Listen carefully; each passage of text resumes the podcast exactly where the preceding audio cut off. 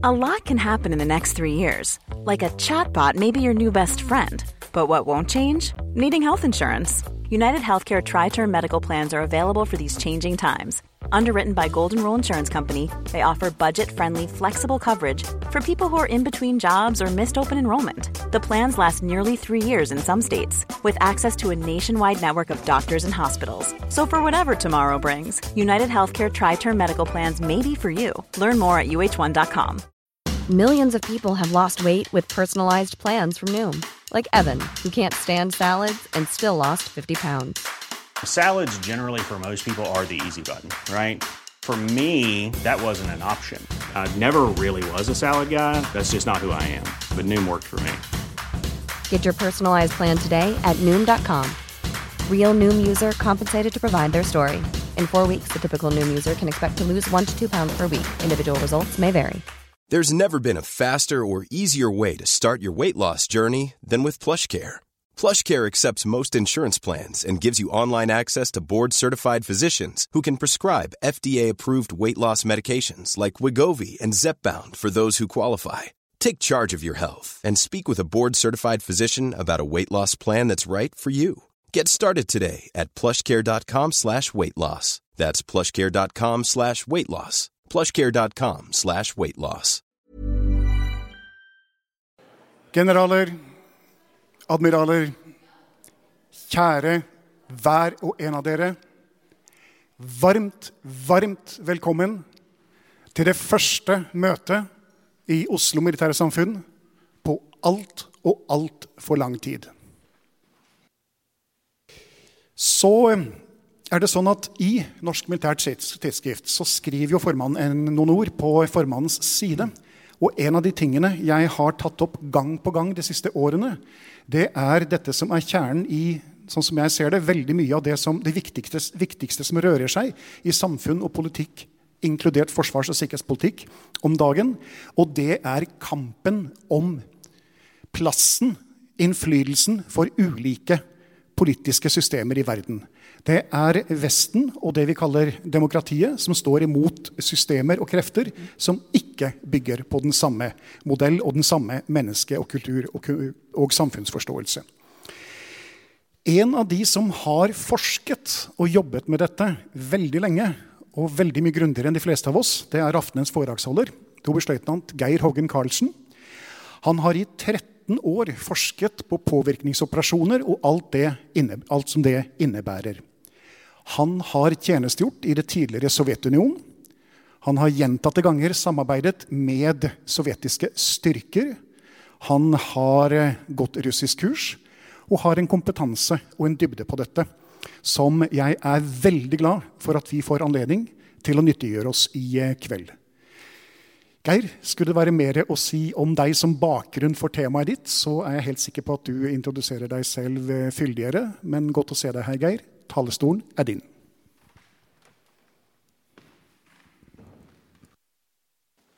Tusen takk for uh, invitasjonen, Bjørn. Uh, kjære forsamling. Det er jo selvfølgelig en stor glede å prate til dere om et uh, tema som har blitt stadig viktigere i mange år. situasjonen i dag er jo noe helt annerledes både militært og politisk enn det det var for 10-20 år siden. Eh, jeg skal prate om påvirkning. Eh, en liten kommentar til begrep her. Eh, påvirkning kan jo være så mangt det man sier og skriver. Det kan også være en flåtestyrke som seiler rundt kysten og viser militærmakt. Godt gammeldags kanonbåtdiplomati. Eller det kan være at sånn som Litauen erfarer akkurat nå, at Kina nekter å handle med dem fordi de har begynt å samarbeide nærmere med Taiwan. Handelssanksjoner. Jeg skal komme inn på alle disse og noen flere til i løpet av eh, foredraget. Eh, hvis jeg prater om informasjonspåvirkning, eh, så er det jo en del av påvirkning, men det dreier seg da om det som sies og skrives. Og så brukes det en del andre begreper. Det prates ofte om hybride trusler, hybridkrig. Det kan være mye av det samme. Forsvarsdepartementet og Justisdepartementet brukte i fjor på samfunnssikkerhetsmeldingen og langtidsplanen for Forsvaret begrepet 'sammensatte trusler'. Mye av det samme. Og så finnes det en hel mengde andre begreper. Men grunnen til at jeg bruker påvirkning, er at det er, det er i og for seg lett forståelig for eh, alle sammen. Eh, jeg jobber på Forsvarets høgskole, så det jeg sier her nå, det står for min regning og er ikke godkjent av forsvarssjefen eller statsråden eller noen andre. Vi er underlagt uh, akademisk frihet, så er, jeg står til ansvar for det. Russiske og kinesiske myndigheter er helt sikkert uenig i en god del av det jeg sier. Uh, det får så være. Jeg har jobba mye med Russland, uh, men det fins mange i Norge som kan mye mer om Russland enn meg. Uh, og jeg har aldri vært i Kina. Uh, så når det gjelder Kina, så, så kan jeg lite om bakgrunnen. men jeg kan jo mye om påvirkning, så disse teknikkene og metodene som brukes, er jo mye av de samme rundt omkring. ja. Jeg skal starte med å gi et overordna bilde på Russland. Så skal jeg gi et overordna bilde på Kina. Og så skal jeg gå litt dypere inn på Russland og trusler i tilfelle krise og ting som nærmer seg krig. Uh, så det er liksom uh, opplegget på foredraget.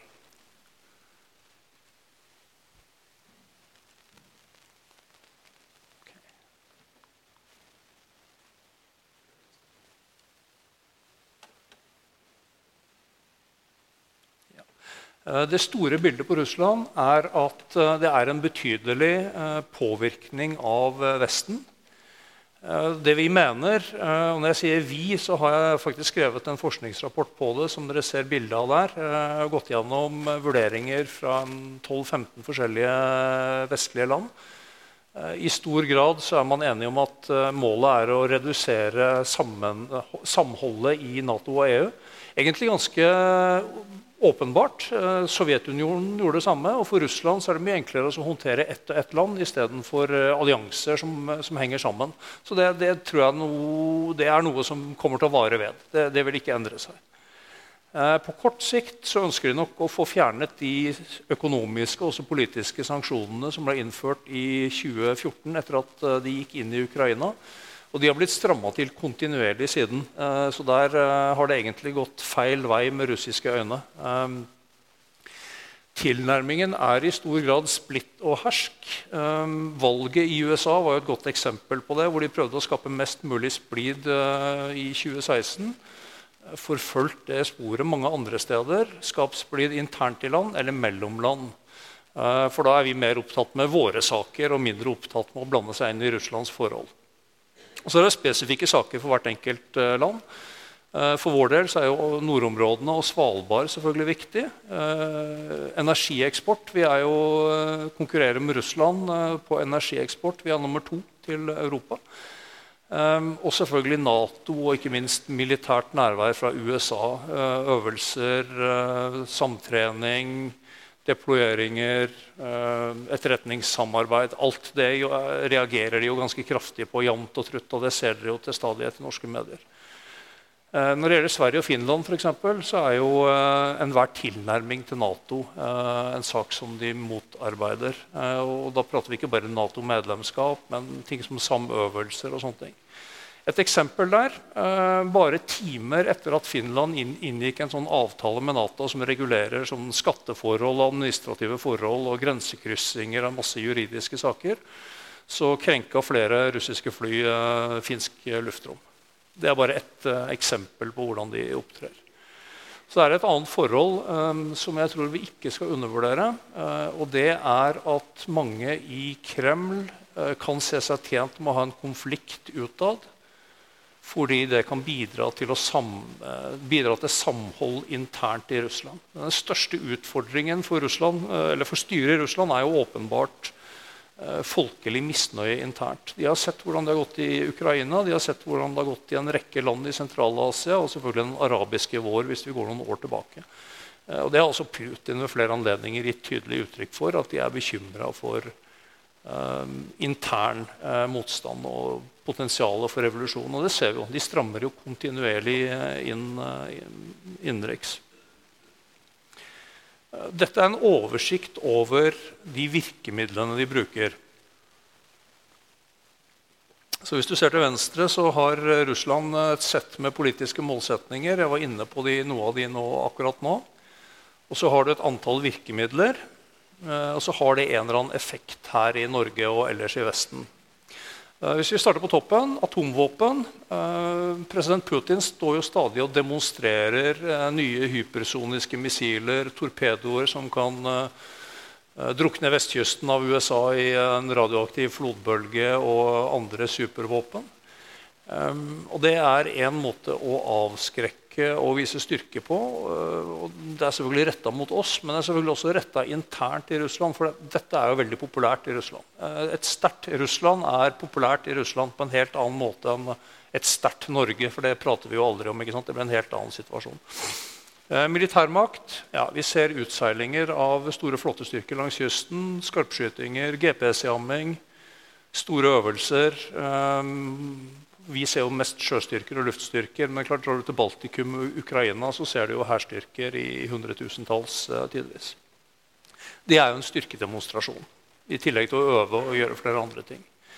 Eh, diplomati. Eh, utenriksminister Lavrov, ambassaden her i Oslo, politikere ellers Eh, kommer tidvis med advarsler av typen uh, 'Norges grenser settes i fare', 'dette ødelegger samarbeid'. Og Hensikten med sånne uttalelser er selvfølgelig å presse oss i en retning Russland uh, håper. Så kan du spørre om det virker. Tja, hvis norske politikere tar beslutninger basert på frykt for Russland, så virker det. Eh, så langt så er min vurdering av ikke bare Norge, men Vesten at den aggressive atferden Russland har vist i mange år, eh, har bidratt til mer samhold i Vesten og mer vilje til å bruke penger på forsvar. Så Sånn sett så har det vært kontraproduktivt. Med mindre man da sier, som jeg var inne på i sted, at en viktig hensikt er å ha en konfrontasjon, fordi det kan virke samlende innad i Russland. Eh, etterretning vi er jo vant til at etterretningstjenester driver innhenting av informasjon, men i Russland så gjør de også det som kalles eh, aktive tiltak. Eh, noen eksempler på det.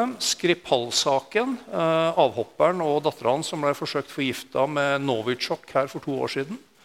De hadde Litvinenko i England i 2006, som ble drept med radioaktiv polonium. Eh, du har en tsjetsjensk-georgisk eh, tidligere en som har slåss mot russerne i Tsjetsjenia, som ble myrda i Berlin for to år siden. Han sitter da en russer i retten i Berlin as we speak. Eh, vi hadde et militærkupp i Montenegro i 2016. 14 stykker ble dømt for det, inkludert to russiske offiserer in absentia. Um, sprengningen av tsjekkiske ammunisjonslager i 2014, som ble offentlig kjent nå i, tidligere i vinter fordi man ville hindre ammunisjonsforsyning til Ukraina. Så dette er altså langt utover vanlig etterretningstjeneste. Kall det sabotasje, kall det spesialoperasjoner, kall det hva dere vil. Uh, men det viser jo en sånn vilje til å bruke makt og vold på en helt annen måte enn det vi uh, kanskje er vant til. Eh, jeg har jo hatt gleden av å jobbe sammen med Dette er jo GRU, den russiske militære etterretningen. Eh, og delvis også kriminelle og innleide som brukes. Men jeg har jo hatt gleden av å jobbe med disse folka mange ganger. Men eh, ingen av de som har blitt dømt eller tiltalt for noen av de sakene, er, de, er av de jeg kjenner. De har stort sett vært språkoffiserer og rekrutteringsoffiserer og liaisonoffiserer. På alle måter hyggelige folk å jobbe sammen med, men vi har jo litt problemer med noe av det de driver på med. Økonomi Eh, ikke noe problem for oss, fordi vi, vi, er jo ikke avhengig av handel med, med Russland. Men drar du til Finland, da, hvor man eh, bruker uh, russisk gass og har russiske kjernekraftverk, så er det jo åpenbart at man er sårbar. Tyskland, i tillegg til at vi selger gass, så kjøper du jo veldig mye gass fra, fra Russland. Cyber. Cybertrusselen er vel noe som alle hemmelige tjenester i Vesten påpeker som noe av det absolutt mest utfordrende. Til daglig og i en krise. Jeg skal komme litt mer tilbake til det, men tre stikkord. Etterretning, påvirkningsoperasjoner og cybersabotasje. Hvor man f.eks. slår ut strømnett, eh, sambandskommunikasjonssystemer, telenett osv. Eh, bruk av minoriteter. Eh, det har vært russisk politikk å bruke minoriteter, russiske minoriteter i utlandet som et virkemiddel for politisk påvirkning. Eh, de har vært veldig aktive i Baltikum, Estland, Latvia, hvor du har en sånn 25-30 eh, med russisk bakgrunn. Men det har vist seg å være ganske lite effektivt. Og den viktigste grunnen til det er at for enhver russer som bor i Estland, eksempel, vet jo at det er usedvanlig mye bedre å bo i Estland enn på andre sida av grensa i Russland. Økonomi, samfunnsforhold, utdanning, helse, alt liksom, som vanlige folk er opptatt av, er mye bedre. Og det gjelder selvfølgelig for russere som bor i Kirkenes eller Oslo. eller hvor de måtte være ennå, ikke sant? Og så advarer jo selvfølgelig PST mot innsidetrusselen. Så vi skal ikke være naive, men vi kan liksom ikke dømme hele befolkningsgrupper heller. Ok, Det er liksom oversikten. og Så skal jeg gå litt sånn senere inn i ja, Jeg nevnte kanskje ikke informasjon på midten her. Det er jo det vi ser med medier og sosiale medier. Særlig sosiale medier var jo den store kanalen for påvirkning, f.eks. i presidentvalget i USA. Så det er, eh, skal jeg også komme litt mer tilbake på etterpå. Bare for å vise at det her ikke er noe nytt, så har jeg da liggende borte på kontoret mitt en eh, kopi av planen for ideologisk arbeid mot Finland. Eh, sovjetiske planen. Den ble vedtatt i 1986. Den er gradert strengt hemmelig og vedtatt i kommunistpartiets sentralkomité. Eh, historisk interessant dokument fordi det viser at ingenting av det som skjer i dag, egentlig er så veldig nytt. Den gang skulle man da prøve å vise russisk eh, første kanal på, eh, på kabel-TV i Finland. estisk radio og TV skulle sendes også i Finland gratis. Estisk og finsk er ganske like språk, så det var sikkert ikke altfor komplisert. Eh, man skulle spre, lage et selskap for å spre videoer, eh, kjøre konserter og arbeide med ungdom og popmusikk. Det var datidens måter å kommunisere og drive påvirkning på. Så bare så det er sagt ingenting nytt. Så det er ingenting nytt med det som skjer nå, selv om det liksom dukket mer opp igjen de siste årene. Da skal jeg ta det store bildet på Kina.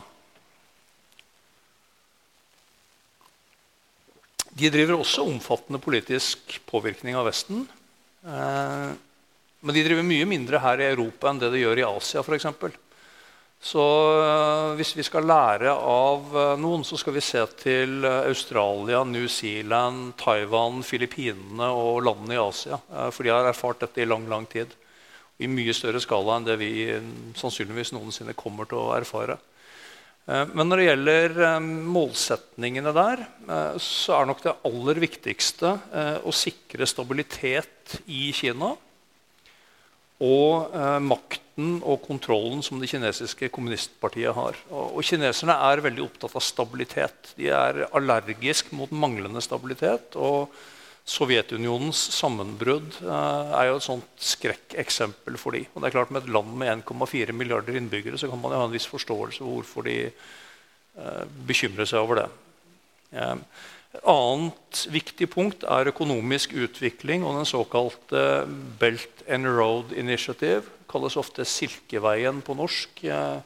kalles også enkelte ganger One Belt, One Road. Men det er et initiativ for å spre handelsruter, eh, kinesiske varer, kinesisk teknologi, eh, kinesisk innflytelse eh, globalt. Det er selvfølgelig mer gjeldende. De, de lager en korridor f.eks. gjennom Pakistan, hvor de, hvor de, bygger alt fra kullkraftverk til jernbaner og havner på kysten av Pakistan. Det gir de da tilgang til havet eksportruter. Og, eh, og, Fordelen med å bygge infrastrukturen og, og, sette i gang disse initiativene er selvfølgelig også at du får politisk innflytelse fordi at eh, du har brukt så mye penger i et område. Du blir viktig. Uh, skal jeg komme litt tilbake til etterpå, for det er relevant for oss òg. Eh, en tredje ting de er veldig opptatt av, er å uh, hindre enhver form for uh, kritikk. Dere har sikkert lagt merke til det siste året at enhver kritikk om ansvar for korona- eller covid-19-epidemien har blitt imot, imotsagt veldig kraftig. det gjelder andre områder. Taiwan, Hongkong, Tibet, Sør-Kina-havet. så har de tatt sånne atoller og småøyer og bygd om til eh, flyplasser og marinebaser bestykka med langtrekkende missiler. Eh, og ekspandert langt utover i havet mot eh, land som Filippinene, Vietnam, Malaysia og andre. Uh, også vært en del maritime konfrontasjoner der til sjøs mellom fartøy. Uh, de har blitt dømt uh, i internasjonal rett for, for brudd på internasjonal rett. og det er, liksom, det er, en diskusjon om hvem sitt område dette er, men det har de egentlig totalt ignorert. Så spørsmålet er det viktig for Norge. Ja, det er jo det, fordi vi er en maritim nasjon. Så vi er jo helt avhengig av at vi kan seile og følge internasjonal rett til sjøs. Internasjonal sjørett. Eh, menneskerettigheter. Eh, Xinjiang, hvor disse uigurene visstnok skal være en million som nå sitter i sånn omskolerings-straffeleirer. Eh, de blir jo svært uh, hård reaksjon fra Kina hvis de får kritikk for dette. her. Jeg skal gi noen eksempler etterpå. Og så er det tilgang. Nordområdene selvfølgelig, og nordlige sjørute for vår del. Men på generelt grunnlag handelsruter og tilgang til naturressurser. De er 1,4 milliarder mennesker. De har mye å selge, men de har også stort behov for naturressurser for å drive økonomien sin. Stort sett så har tilnærmingen til kineserne vært øh, fredelig. Det har vært en sånn vinn-vinn økonomisk fordel for alle. Baksiden av det er selvfølgelig at du blir helt avhengig av og at alle andre enn Kina blir den lille og svake aktøren i sånt samarbeid. Eh, der hvor russerne bruker splitt og hersk, så bruker uh, kineserne i mye større grad politisk press og avhengighet via investeringer, infrastruktur og teknologi. Har du først grepet på det, så har du makt. Og det skal jeg illustrere om et lite øyeblikk. Uh, litt sånn oversikten uh, på de kinesiske virkemidlene. Det blir mye av det samme som på russisk side. men mens russerne i stor grad bruker militærmakt og styrkedemonstrasjoner, så er det viktige på, på kinesisk side økonomi og teknologi og den innflytelsen de får der. Eh, de bruker også de andre virkemidlene som jeg nevnte i sted. Militærmakt ser vi jo ikke noe til her i Europa. Men det er klart, drar du til Taiwan, så, så ser jo de massive mengder sjø- og flystyrker uh, hver eneste dag omtrent. Og krenkelser av, av, av luftrom og territorialfarvann. Ehm, kineserne har også begynt å bruke informasjon eh, på samme måten som russerne har drevet propaganda og påvirkning i sosiale medier, og andre steder, så har kineserne begynt å kopiere dem. Eh, ingenting som tyder på at de er veldig effektive i Vesten. Men hvis de får tid på seg, lærer og anvender teknologi, f.eks. teknologi for å generere tekst på forskjellige andre språk, og teknologi for å uh, utnytte den informasjonen vi legger, oss, legger, igjen på sosiale medier, sånn at vi kan uh, målrette et budskap på godt norsk til hver enkelt av oss fordi, vi, uh, fordi man har samla informasjon. Det, dette må du gjøre automatisk med kunstig intelligens. Du kan ikke sitte med én og én og gjøre det. Så hvis, eh, hvis, de får lov til å jobbe med den type teknologi, så kan det hende at vi ser en helt annen verden om noen år. Så kommer sikkert russerne til å kopiere det igjen deretter. Så har vi det gående. Så dette blir et sånn teknologirace. Eh,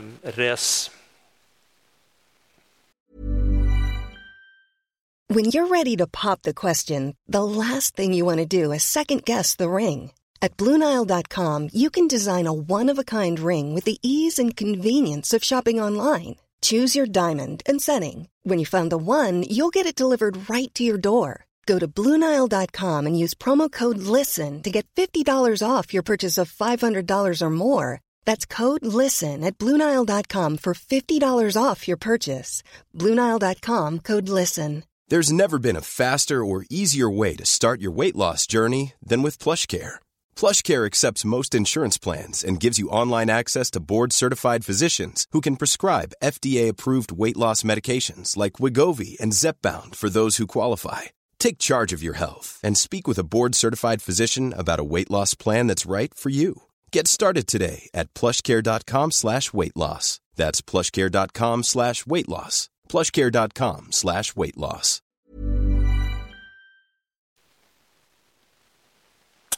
United Front Work Department. Det er vel de færreste som har noe forhold til. Uh, dette, nå er vi tilbake på sånn leninistisk uh, tankegang om at uh, man skal ha en enhetsfront, og alle skal jobbe sammen for partiet. det har kineserne kopiert. det er delvis en organisasjon med en mengde undergrupper. Og delvis et konsept for å få alle til å jobbe for partiet. Selvfølgelig internt i Kina, men også i stor grad eksternt for å kontrollere kinesisk befolkning i utlandet, og i større og større grad også for å få folk, stater og bedrifter i andre land til å støtte og i hvert fall ikke motarbeide kinesiske målsetninger. Eh, det bildet dere ser oppe til eh, venstre, er tatt fra stortingssalen. Eh, dere ser Løvebakken. Så ser dere disse VIP-bilene hvor den lederen av den kinesiske folkekongressen kom på besøk for ca. to år siden. Så ser dere helt nærmest der, den plassen foran Stortinget. Den kan, du, den kan hvem som helst bestille til en demonstrasjon.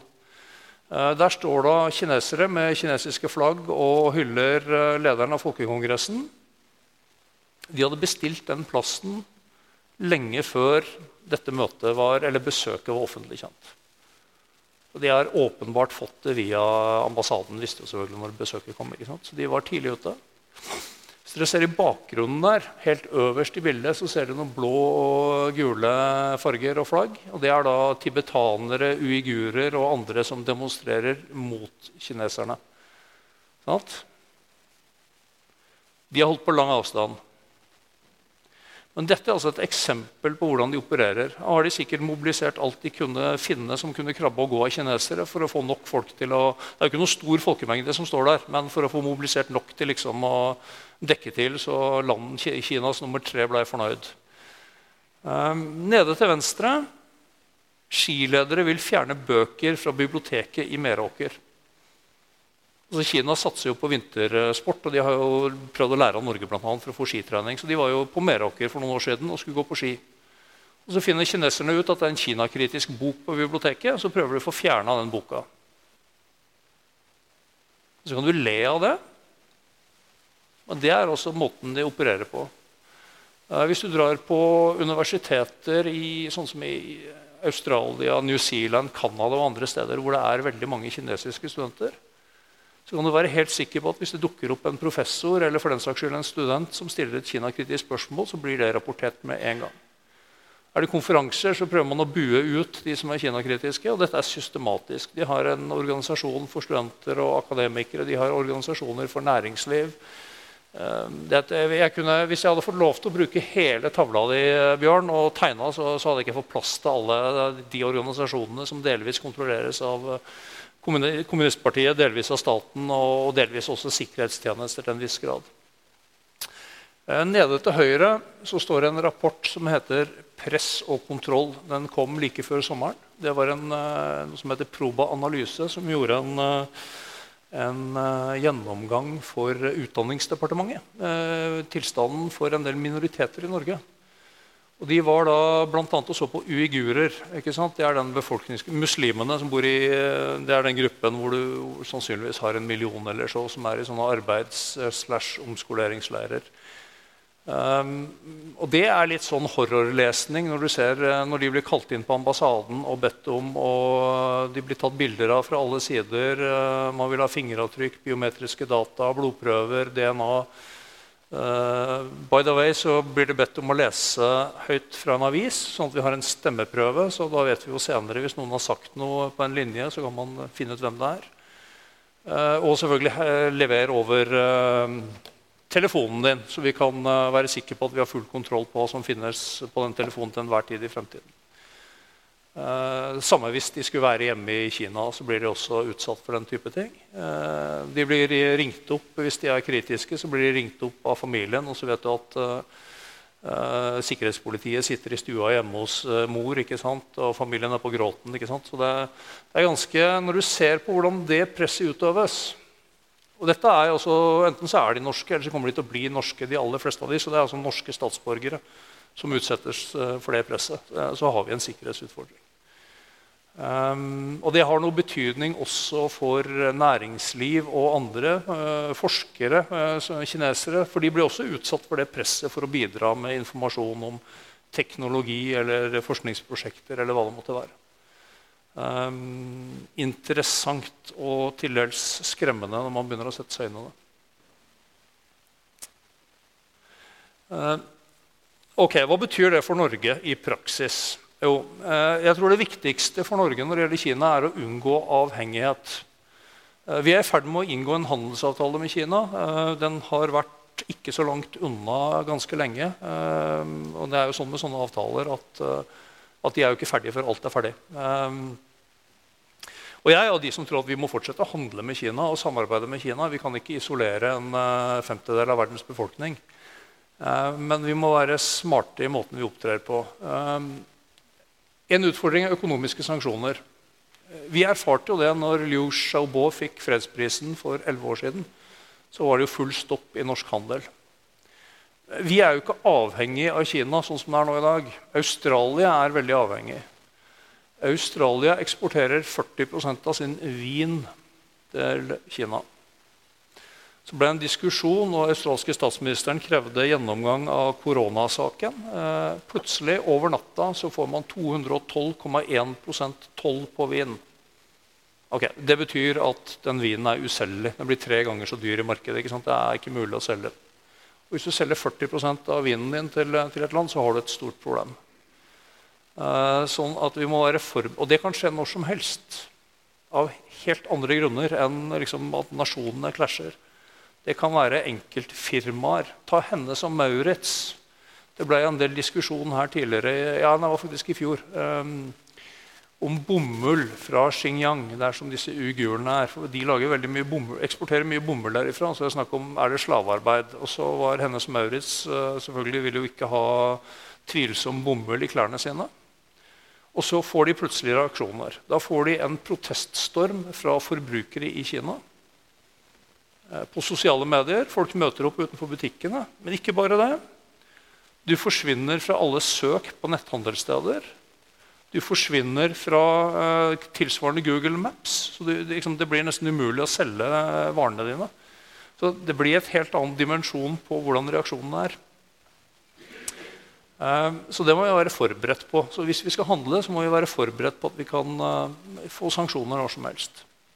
Uh, øverste bildet der eh, er Litauen. Har, eh, de har ikke anerkjent Taiwan som et eget land. Det ville være eh, som en sånn nuclear option i forhold til Kina. Men de har etablert handelskontor, eller sånn representasjonskontor. Og reaksjonen fra Kina var jo da full stopp i handel. Det er ikke noe stort problem for Litauen, men en tydelig advarsel til absolutt alle andre, sånn som Norge var i 2010, hva konsekvensene kan være. Investeringer. Ehm, det har jo vært vurdert for å bygge en stor havn i Kirkenes eh, og jernbane fra Rovaniemi opp til Kirkenes for å ta transit på jernbane fra Kina. Det er sånn um, flere titalls milliarder eh, kroners prosjekt. Um, vel og bra. Sånn Handelsmessig så er det kanskje, eller foreløpig så har man jo vurdert at det er for dyrt med den jernbanen. men men man må også tenke sikkerhetspolitikk i sånne investeringer. Hva skjer hvis den blir etablert, og så blir handelsstrømmen strupa igjen? Hva er konsekvensene da? Da går vi konk i Kirkenes. Men land som Russland og Kina, autoritære stater, kan bruke sånne virkemidler og ta den prisen der. Infrastruktur ja, Det var i og for seg et eksempel på infrastruktur også. 5G-nettet eh, var jo den store diskusjonen for et par år siden. ikke sant? Det nye mobilnettet hvor uh, du fjernstyrer biler og busser og alt mulig annet. Det er klart Hvis en stat vi ikke har sikkerhetssamarbeid med, har kontroll på et sånt nett, så har vi en enorm sårbarhet. Annen teknologi eh, Smartbyer er på gang. Det er snakk om å kjøre busser og ting automatisk. Smarte lyskryss styringssystemene. fordi Kineserne leverer bra styringssystemer. Det er for øvrig akkurat de samme styringssystemene stort sett, som da driver fullstendig overvåkning av deler av Kina med kameraer og stordata og ansiktsgjenkjenning for å vite hvem som er hvor. Og spørsmålet Vil vi egentlig ha det eh, gående i Oslo eller Stavanger eller andre steder i Norge? Cyber ja, Jeg skal komme tilbake til cyber med et lite øyeblikk. Um, politisk press. Alt dette her summerer seg opp i at hvis vi får avhengighet på økonomi, teknologi og investeringer, så er vi også ekstremt sårbare for politisk press. Sant? Da bestemmer vi ikke selv. Cyber. Uh, etterretning. Alle vet, uh, har sikkert fått med seg hacking av uh, alskens informasjon. Det er vel ikke noe nytt. Uh, cyber brukes også til påvirkningsoperasjoner uh, av typen valget i USA er det mest kjente, men det er klart det går mest på sosiale medier. Så har du cybersabotasje. og vi må jo påregne i en krise at telenettet typisk, kraftnettet kan bli utsatt for cyberangrep. Eller helt andre ting. Helsevesenet det irske helsevesenet gikk jo ned for telling i mai og var jo nede i ukevis fordi de ble utsatt for cyberangrep. Det var sånn nok utpressing, altså såkalt ransomware. Det er klart En stat kan jo gjøre det samme. Uh, havneanleggene våre, Hvis vi skal få inn Nato-tropper, så kommer jo de gjerne inn store øvelsene sist. Så har de kommet inn via Fredrikstad og andre havner. Det er klart Et uh, åpenbart mål er jo å angripe havnene, jernbanene, flyplassene, Avinor, som vi ikke får transportert ting. Bank- og betalingssystemer. Russerne angrep eh, bank- og betalingssystemene i Georgia så langt tilbake som i 2008. når de gikk inn der. da var de nede i åtte-ti dager. Det gikk jo i for seg, Jeg var jo i Georgia like etterpå. Det var ikke noe problem, fordi folk hadde jo cash i lomma i Georgia. Men eh, hadde vi holdt i ti dager her uh, uten bankkort og bank-ID på mobil, og sånne ting, hadde det blitt, blitt litt plagsomt. Skal vi se Eh, jeg skal prate litt om eh, valg også, siden vi nærmer oss der. Eh, I 2019 så gjennomførte Sintef en sånn teknisk analyse av påvirkning i sosiale medier. Og jeg jobbet med Sintef den gangen. Jeg må si det at Vi fant jo ingen tegn til fremmed påvirkning, så det var jo beroligende. Men der hadde vi sju tilnærminger for hvordan du kunne påvirke et norsk valg. Den første var økt polarisering og politisk konfliktnivå. Og vi så egentlig på Russland som den eneste aktuelle aktøren. I 2019 så var jo bompenger, innvandring, klima, vindkraft osv. de viktige sakene. De er litt annerledes nå i dag, men eh, FFI driver med tilsvarende prosjekt nå. Uh, de fikk den kontrakten, så de har, uh, de har helt sikkert funnet ut og gjort en analyse av hva som er aktuelle saker nå. Eh, det andre vi så på som en mulighet, var å forsterke sentrum-periferi-konflikten. Eh, altså Finnmark mot eh, hovedstaden. Forholdet til Russland. Den gangen så var fylkessammenslåing en sak. Den er vel sannsynligvis avslutta, så vi ser hva som kommer etter valget.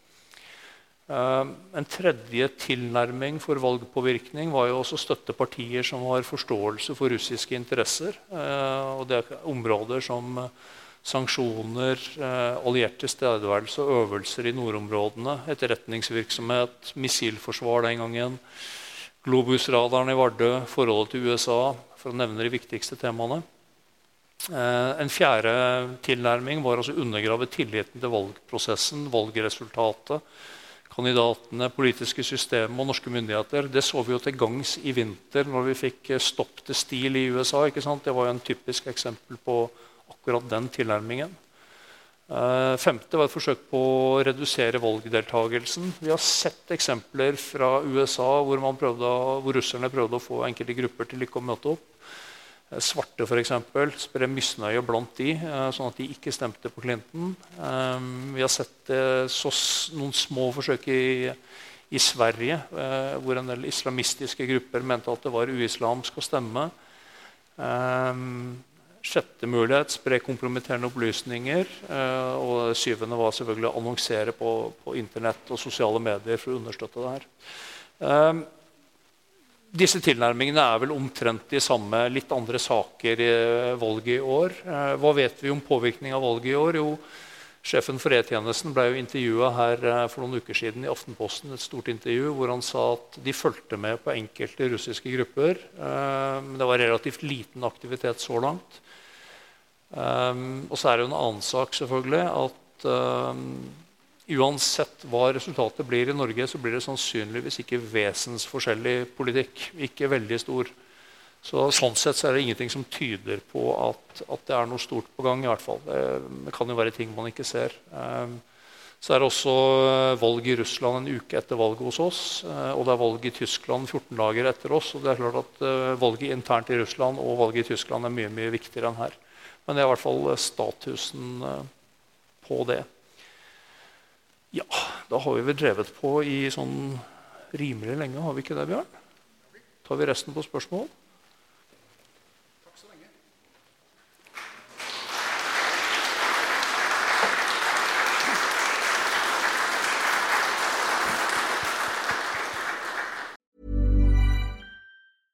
Mom deserves the best, and there's no better place to shop for Mother's Day than Whole Foods Market. They're your destination for unbeatable savings, from premium gifts to show-stopping flowers and irresistible desserts. Start by saving 33% with Prime on all body care and candles. Then get a 15-stem bunch of tulips for just $9.99 each with Prime. Round out Mom's menu with festive rosé, irresistible berry chantilly cake, and more special treats. Come celebrate Mother's Day at Whole Foods Market. Planning for your next trip? Elevate your travel style with Quince. Quince has all the jet setting essentials you'll want for your next getaway, like European linen, premium luggage options, buttery soft Italian leather bags, and so much more. And it's all priced at 50 to 80% less than similar brands. Plus, Quince only works with factories that use safe and ethical manufacturing practices. Pack your bags with high-quality essentials you'll be wearing for vacations to come with Quince. Go to quince.com slash trip for free shipping and 365-day returns. Hi, I'm Daniel, founder of Pretty Litter. Cats and cat owners deserve better than any old-fashioned litter. That's why I teamed up with scientists and veterinarians to create Pretty Litter. Its innovative crystal formula has superior odor control and weighs up to 80% less than clay litter. Pretty Litter even monitors health by changing colors to help detect early signs of potential illness. It's the world's smartest kitty litter. Go to prettylitter.com and use code ACAST for 20% off your first order and a free cat toy. Terms and conditions apply. See site for details.